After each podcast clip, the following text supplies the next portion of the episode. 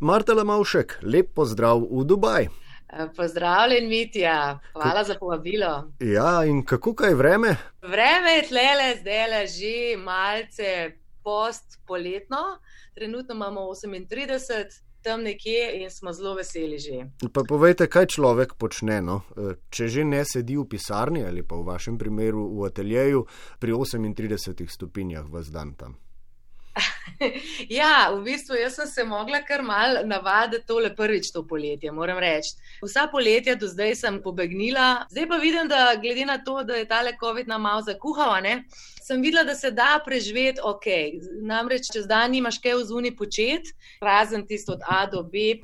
Za nekoga, ki pride direkt iz podnebja evropskega, je to mal šok. Ampak mi smo se zdaj navadili, jaz večer grem malo plavati, malo se sprehajam, tako ob plaži. Ja. Ko primerjate zdajšnjo, če ostanemo še malo pri vremenu, ne, situacijo z Londonom, ne, kjer ste preživeli tudi kar nekaj ja. let, uh, pač vreme je ena izmed okoliščin, ki je uh, vašo pot peljala London. proti vzhodu. Uh, ja, London pa kaj, ni fenom sončka prijazen. Pa zdaj ne vem, a ste sploh.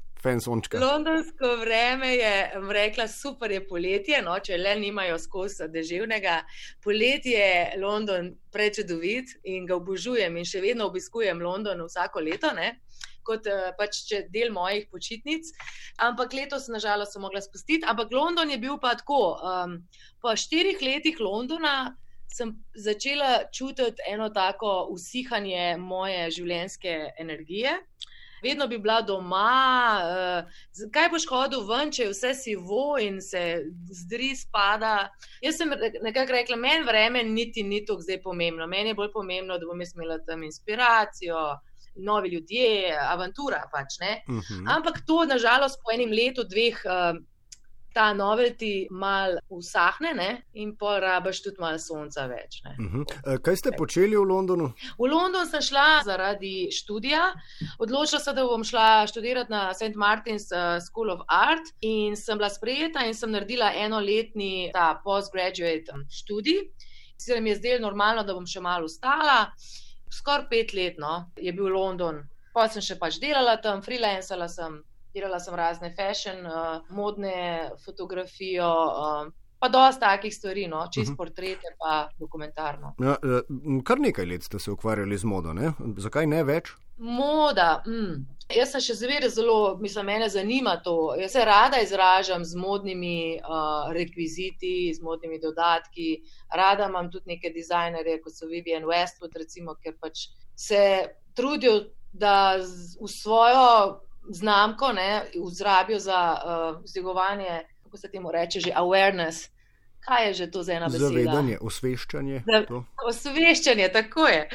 Skratka, všeč mi je, če modni dizajner uporablja svoje ime za osveščanje.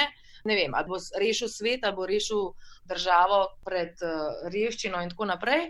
Nisem pa zdaj neki takem rekla, frik, da bi se zdaj hodila pa s temi modnimi znamkami okitovati. In postalo mi je zelo dolgočasno. No? Pač imela sem pač neko tako željo, da bom delala neke take zgodbe umetniške, da bo to zelo neke take iz mojega srca uh, prišle neke take tematike ven, ampak sem videla, da v industriji ne, je to zelo malo krat, ne, da ti revija oziroma uh, dizajnerji dajo to svobodo. Ne? Če prav razumem, zelo dolgo časa moraš početi nekaj, kar se nekomu, ki je sponzor tega, splača, da lahko potem mogoče kdaj počneš to, kar bi rad. Absolutno, ja, točno ja. to. Točno to e, no, ja. in kaj zdaj počnete?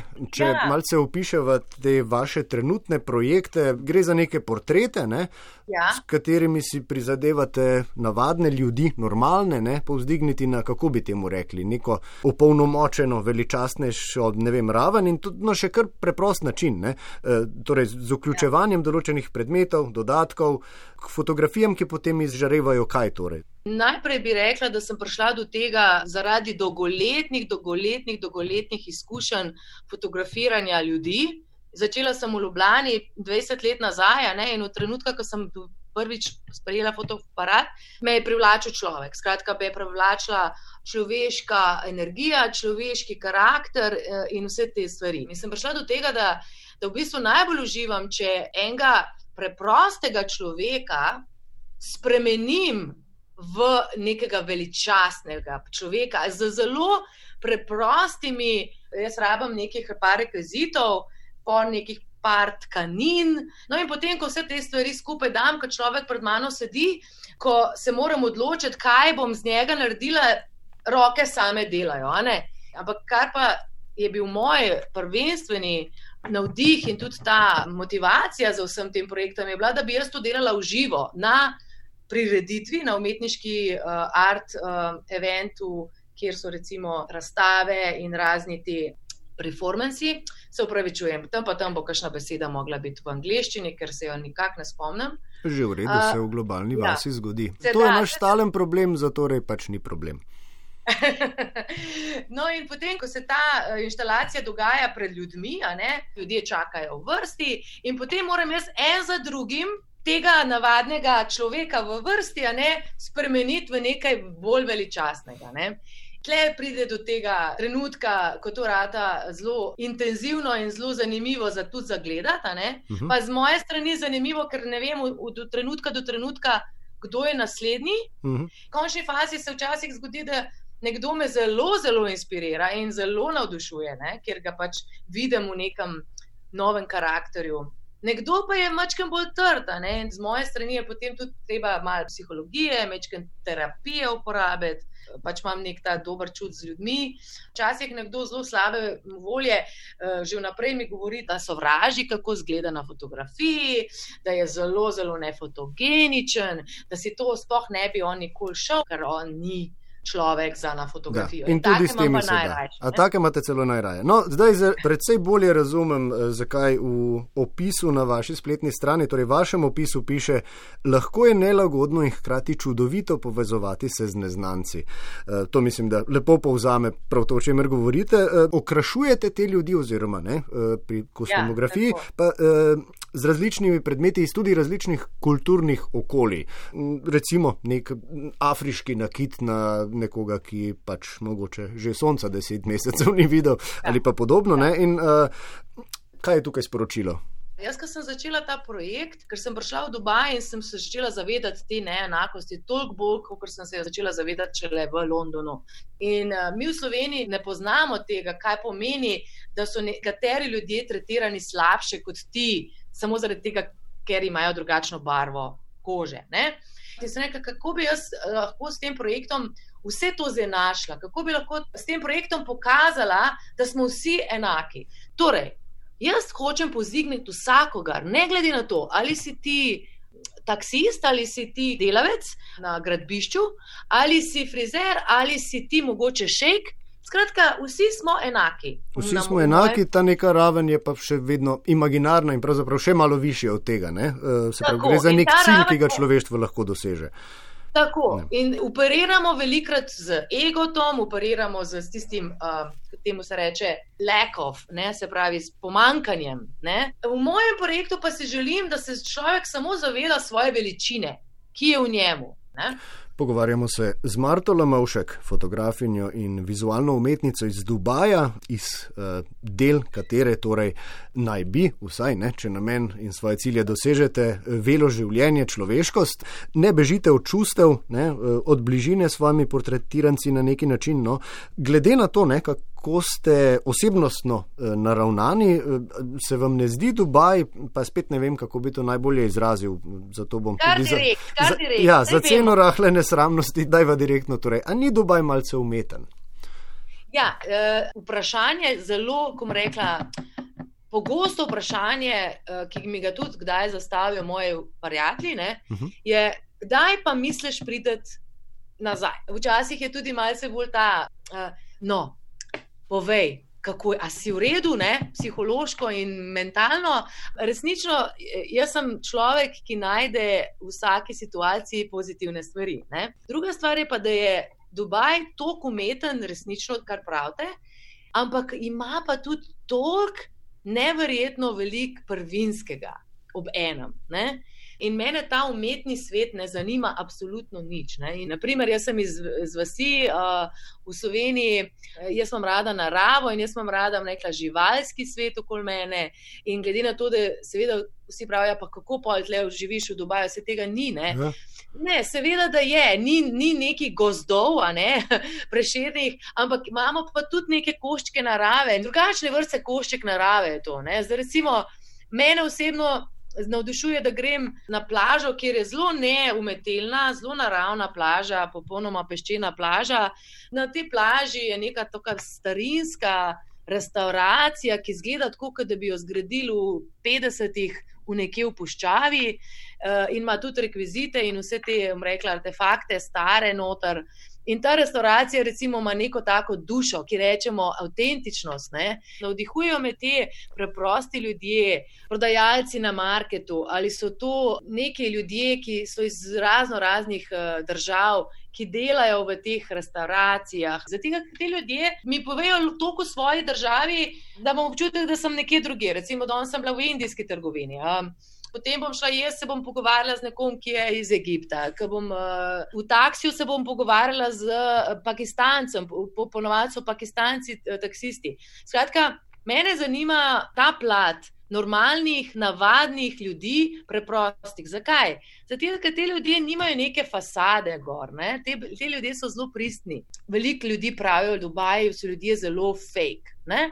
Ja, v resnici je veliko ljudi tukaj takih. Ne? In pravite, da tudi v Dubaju ali pa pravzaprav zaradi kar strogih, tudi segregacijskih ne, uh, yeah. Načinov ureditve družbe ali pa gospodarstva se najde še morda več tega.